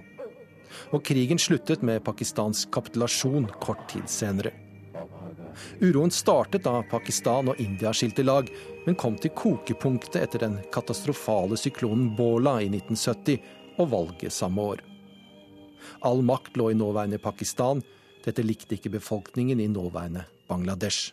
আমরা আজকে সবাই এখানে একসাথে হয়েছি কাদের মোল্লের ফাঁসির জন্য কেননা আমরা সকলেই চাই যে এই ফাঁসিটা সুষ্ঠু বিচার হোক Demonstranter i Dhaka de demonstrerer for den pågående rettssaken. De vil at de tiltalte lederne i Jamaat el-Islami skal henges.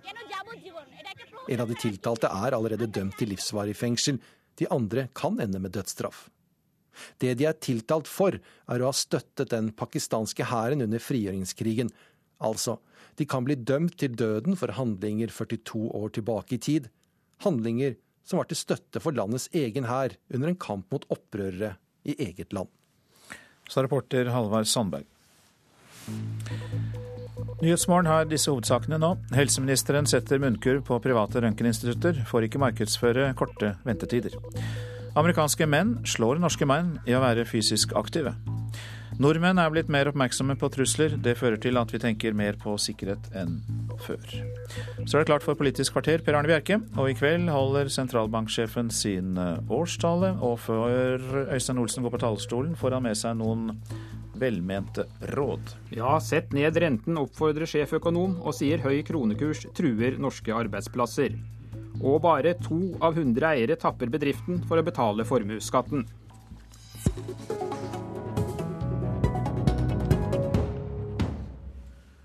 Klokka seks i kveld går sentralbanksjef Øystein Olsen på talerstolen for å holde sin tradisjonelle årstale. En tale det som vanlig er knyttet store forventninger til. Roger Bjørnstad, du er sjeføkonom i Pøyri, tidligere Ekon. Hva burde sentralbanksjefen si hvis du fikk lov til å bestemme? Ja, jeg tror det nå er på tide å ta en uh, ny debatt om hva rollen til renten skal være uh, i norsk økonomi. Vi har en rekordsterk kronekurs. Kronekursen er 17 sterkere enn det den var på gjennomsnittet av 1990-tallet. Og det er en gryende valutakrig pågående i verden som fører til at man svekker valutaene sine. og Eh, den krigen kan ikke vi sitte stille og se på, og eh, eksportindustrien vår blør nok som den gjør fra det presset vi opplever fra petroleumssektoren. Men renta er jo allerede rekordlav, og vi ser altså det voldsomme prispresset bl.a. på boliger. og Vil ikke dette bare bli enda mer forsterket dersom du senker renta?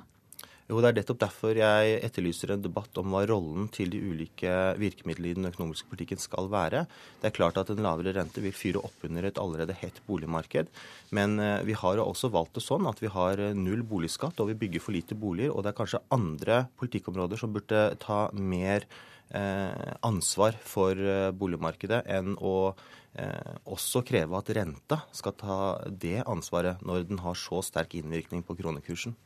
Marianne Martinsen, finanspolitisk talskvinne i Arbeiderpartiet. Synes du at vi har for lav rente, og at Olsen nå burde signalisere at renten bør gå ytterligere ned? Jeg tror det som, som, Bjørnstad sier her, først og fremst illustrerer at eh, sentralbanksjefen har en, har en vanskelig oppgave. Eh, han opererer i en form for spagat mellom eh, de faktorene som, som, Bjørnstad helt korrekt peker på. At vi har eh, deler av, av, norsk industri som har utfordringer eh, med fallende etterspørsel i Europa, eh, med høy kronekurs, med sin, med, sin, konkurranseevne versus våre handelspartnere. men samtidig så er det jo sånn at investeringsnivået på norsk sokkel er skyhøyt. Vi ser, eh, vi ser et veldig høyt eh, press i boligmarkedene som tilsier at, eh, at renta ikke bør, bør settes altfor lavt.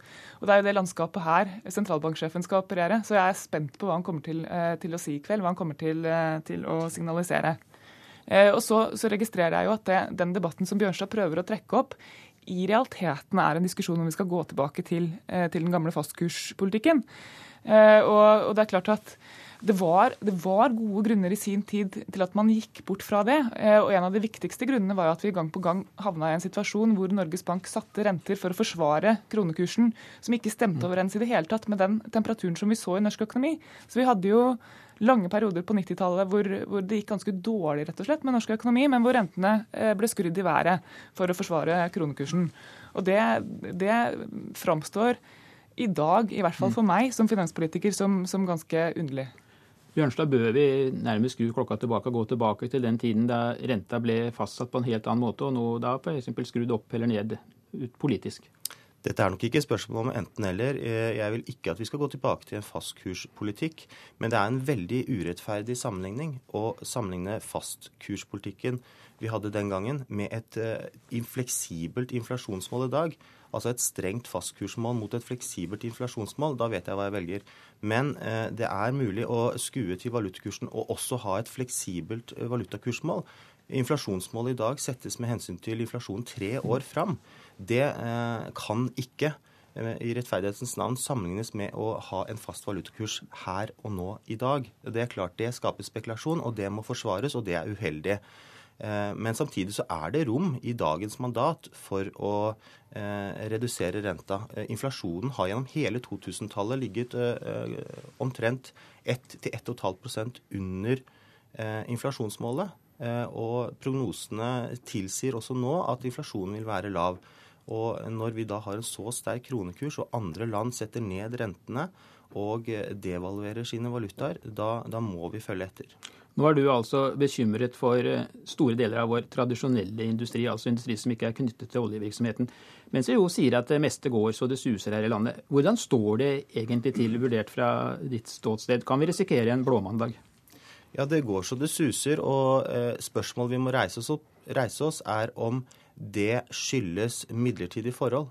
Hvis det eh, skyldes midlertidige forhold, så vil vi få en blåmandag. Da vil vi komme til en situasjon hvor vi har hatt det eh, godt i lang tid og drevet opp kostnadsveksten, mens det vi skal leve av etterpå, har blitt eh, utkonkurrert. Og Det er det vi må fokusere på, og vi må ikke se oss blind på at vi har det veldig godt akkurat nå.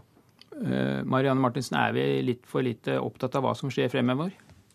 Nei, vet du hva, dette er vi veldig opptatt av. Og, jeg deler en del av de bekymringene som Bjørnstad eh, peker på. Nå fikk vi nettopp nye konjunkturtall fra SSB som viser at det er noe mindre strekk i laget, altså mindre todeling, enn det vi har opplevd så langt. Eh, det er en god utvikling. Men det, altså det Bjørnstad sier, understreker egentlig at at selv om vi eh, sitter på mye oljepenger, så er det eh, absolutt mulig og til og med ganske lett å gjøre store feil. Eh, og, Det er derfor du, du, du vil møte mange Arbeiderpartipolitikere rundt omkring som, som uh, gjentar mantraet om trygg økonomisk styring. For at Noe av det viktigste vi gjør for eksportretta industri, det er å holde orden i vår egen økonomi.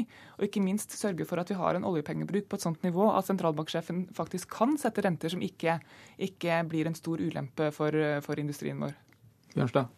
Jeg er helt enig i det. Og det jeg hører nå, er jo at finanspolitikken må ta et ansvar for konjunkturstyringen. Og det gjør de i Norge, og vi har gjort det på en eh, god måte historisk. Eh, men det er også viktig at ikke man i finanspolitikken lener seg tilbake og henviser til Norges Bank. At det er jo de som har ansvar for konjunkturstyringen, og det er de som skal sette renta for å Eh, ha en balansert utvikling i norsk økonomi. Sånn skal det ikke være, eller sånn kan det ikke være for et lite eh, land med en stor eksportsektor. Så finanspolitikken må ta det ansvaret, og kanskje enda større grad enn det vi har sett. Har ikke dere politikere i realiteten gitt fra dere veldig mye av makta, eh, Marianne Martinsen? Altså, gjennom det regimet som vi har innført, så pålegger vi oss selv å føre en finanspolitikk som, som gjør at Norges Bank kan sette renter som er fornuftige og levelige for, for eksportretta industri. Eh, og så er det jo, som Bjørnstad helt riktig påpeker, mulig for sentralbanksjefen også å skure til valutakursen når man setter eh, renta, og veldig mye tyder på at det gjør Norges Bank.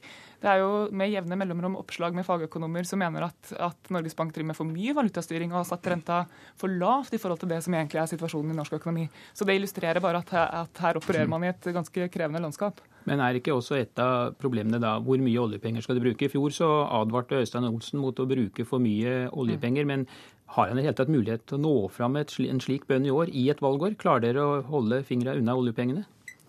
Ja, vet du hva, vi har en lang og stolt historie, vil jeg si, eh, når det gjelder å klare å holde fingra unna oljepengene. Ganske sterke protester han i fjor sa at dere måtte gå litt ned på bruken? Jo, men det at man ikke skal ligge over 4% over tid, gjør ikke at man er nødt til å bruke 4 hvert år. Hvis man ser på, på 2013-budsjettet, altså budsjettet for i år, så ligger man mye nærmere 3% enn 4% nettopp fordi at man ser at temperaturen i norsk økonomi, investeringene på sokkelen, temperaturen i boligmarkedet tilsier at man er, er, moderate. Og det er vi ikke fordi at vi ikke har lyst til å bruke flere milliarder på hyggelige ting, men fordi at vi tar ansvar for norsk økonomi. Bjørnstad, burde man redusere oljepengebruken mer enn det vi gjør nå? Ja, Gitt at man ikke ønsker å gjøre noe med de andre områdene av norsk økonomi som går eh, så godt, så, så er det et alternativ. Og det jeg tror er viktig, og som også Øystein Olsen har påpekt, er at denne handlingsregelen, denne 4% som Marianne viser til, den, eh, den, må vi ikke eh, se oss blind på. fordi at den, eh, den, den, åpner for veldig mye oljepengebruk. Og særlig disse dager hvor oljefondet vokser så hurtig. Og det som kommer på toppen av det, er at vi egentlig ikke trenger disse oljepengene sett ut fra behovene som skapes gjennom demografiske endringer og eldrebølgen. De trenger vi når, når etterkrigsgenerasjonen skal på pleiehjem og på sykehus. Takk skal du ha, Roger Bjørnstad. Marianne Martinsen, du blir med oss videre. For i dag skriver Aftenposten at bare to av 100 eiere må tappe bedriftene for å betale formuesskatten. Ifølge en rapport som NHO og Rederiforbundet fikk utarbeidet i fjor, er det 2700 av 190 000 personlige eiere som måtte ta ut ekstra overskudd for å betale den omstridte skatten. Skattepolitisk talsmann i Høyre Gunnar Gundersen, hvordan samsvarer denne rapporten med den argumentasjonen Høyre har brukt for å få fjernet formuesskatten? Ja, Hvis man leser rapporten, så samsvarer den eh, ganske godt. Nå får vi rapporter som kan leses på mange måter. Det jeg syns er underlig, er hvor mange spaltemeter vi skal bruke på å motbevise det som beviselig er eh, formuesskattens virkning. Og det er at det er en diskriminering av privat norsk eierskap til fordel for utenlandsk og statlig eierskap. Det vil uh, føre til en svekkelse av det mangfoldet i det private eierskapet. Og det vil føre til at bedrifter over tid blir utenlandskeide. Da må vi diskutere er det det vi ønsker som effekt jo, av politikken. Men dere fremstiller jo som at det er et stort problem at bedriftseiere må ta av overskuddet for å betale formuesskatten, og så viser det seg altså at det er bare 1,5% av eierne som da tapper bedriftene, altså tar ut mer eh, i skatt enn det det er overskudd. Ja, Den rapporten kan som sagt leses på mange måter hvis du går inn i den. Jeg mener han sa at det var ca. 10% av eierne som måtte ta ut, ta ut uh, utbytte av bedriften for, uh, som bedrifter som gikk med underskudd, for å betale formuesskatten. Og da er det jo virkelig skadelig. Men det beviselige er som sagt at formuesskatten er en særnorsk skatt på norsk privat eierskap. Og effekten er at vi svekker mangfoldet i eierskapet. Jeg mener mangfoldet er viktig ut fra et maktspredningsprinsipp. Og det, det, fremmer eierskap av norske bedrifter til fordel eller til, av utenlandsk eierskap av uh, norske bedrifter. Og det er spørsmålet ønsker vi det som virkning av norsk politikk. Marianne Martinsen, har ikke Høyre et poeng i at dette er urettferdig overfor norske eiere? Nei, altså nå har Høyre brukt uh, veldig mye tid og innsats uh, den siste tida på å prøve å skape et bilde av en formuesskatt som skal være et stort problem for norsk næringsliv. Eh, dratt opp en rekke misvisende eksempler på det, blitt tatt på, på, feil gang på gang. og Denne rapporten underbygger jo at dette ikke er et stort problem for eh, norsk næringsliv. For norsk næringsliv som helhet så går det jo veldig veldig bra. Altså det er bare å se ut av vinduet og se på virkeligheten der ute. De siste åra er det skapt 330 000 nye arbeidsplasser. Eh, bare i fjor så ble, ble det etablert 25 000 eh, nye AS-er i, i, Norge. Så vi har et veldig robust, veldig omstillingsvillig eh, norsk næringsliv. Og så har vi tidligere i sendinga her nå snakka om at vi har deler av norsk industri som opplever utfordringer knytta f.eks. til at etterspørselen i Europa synker, at kronekursen er, er sterk. Men formuesskatten er jo ingen vesentlig del av forklaringa på det. Og dette er litt typisk Høyre, at uansett hva spørsmålet er, så svarer de med skattekutt. Undersen. Nei da, vi har mange andre svar. Men hvis du reiser rundt i småbedriftsmiljøet i Norge, hvis jeg reiser rundt i mitt fylke Hedmark, som jo er midt i kjernen av todelingsproblematikken, vi har veldig lite av oljerelatert virksomhet. Og jeg ser, og jeg får beskjed, at småbedriftseiere de er, de er, fornøyd med mye, men de, de, ber om å få like konkurransevilkår med bl.a. sine utenlandske konkurrenter, sånn at de kan være med å slåss om utviklingsmulighetene i Norge. Og, og, jeg ser også en drenering av, av um, industri og konkurranseutsatte arbeidsplasser i Innlandet som er ganske dramatisk. Og hvis Marianne Martinsen hadde reist litt rundt, så hadde hun sett at de eksemplene vi har dratt fram, er riktige alle sammen. Det er bare et spørsmål hvordan man Eh, også bruker den. Et annet utslag av eh, Høyres skatteforslag Gundersen, er jo at de rikeste får flere millioner i skattelette. Hvorfor er det rimelig at Olav Thon og Stein Erik Hagen skal få mer i skattelette enn det en vanlig lønnsmottaker tjener i løpet av et helt år? Nei, altså Fordelingspolitikken er en utfordring. Og Derfor har vi sagt at vi skal nedsette ekspertutvalg bl.a. for å motarbeide nullskattyterproblematikken der den er en utfordring. Men vi legger som sagt vekt på det, hvor viktig det private, mangfoldige eierskapet er for å skape arbeidsplasser, for å trygge arbeidsplasser, og for å utvikle et framtidig Norge som står på mange bein. Marianne Martinsen, hvorfor er det så galt at noen få rike, og vi snakker jo virkelig om noen få, rike som altså skaper kanskje tusenvis av arbeidsplasser, hvorfor er det så galt at de skal betale litt mindre formuesskatt? Altså det Høyre her vil gjøre, det er å redusere personbeskatninga. Altså dette er ikke en bedriftsskatt, men en personskatt eh, for, for eh, de aller rikeste i Norge. Og Det skal de gjøre ut ifra en fortelling om at dersom man bare lar de, de, som sitter på størst verdier i Norge per i dag, bli enda litt rikere, så vil det føre med seg masse ny aktivitet, masse nye arbeidsplasser, masse ny innovasjon. Men den fortellinga er feil. Vi får, vi får, stadig sterkere beviser på at de landene som virkelig presterer bra, som leverer de beste økonomiske resultatene, er de landene som fordeler best. Marianne Martinsen, og det er ikke altså, og det er, Marianne Martinsen bør ta seg en diskusjon med hovedtillitsvalgte ved Aas Bryggeri en familieeid bedrift i Drammen som sier åpent at det er, det er en bedriftsbeskatning. For familien har ikke andre steder å ta pengene fra til å betale formuesskatt enn bedriften. Og den svekker deres muligheter. Det du i realiteten gjør, er å redusere personbeskatninga på de rikeste i Norge. En mann som Andresen, Norges rikeste mann, vil få en skattelette på 60 millioner kroner. Og jeg mener at det er verdt Gundersen, å spørre seg om hvorvidt vi skal bruke milliardene på det, eller bruke milliardene på å utdanne nye ingeniører, bygge flere barnehager sånn folk kan jobbe i disse bedriftene, bygge mer infrastruktur. Jeg tror det er det norsk næringsliv eh, trenger. Svar på alt er ikke skattekutt. Det er verdt å spørre om vi ikke trenger et mangfoldig privat eierskap for å møte bl.a. todelingsproblematikken og kostnads utfordringen i norsk økonomi som bl.a. oljeøkonomien fører til. Jeg tror at privat, mangfoldig eierskap er særdeles viktig der. Og Da må jeg sagt si takk til dere, Gunnar Gundersen og Marianne Martinsen. Jeg heter Per Arne Bjerke. Du har hørt en podkast fra NRK P2.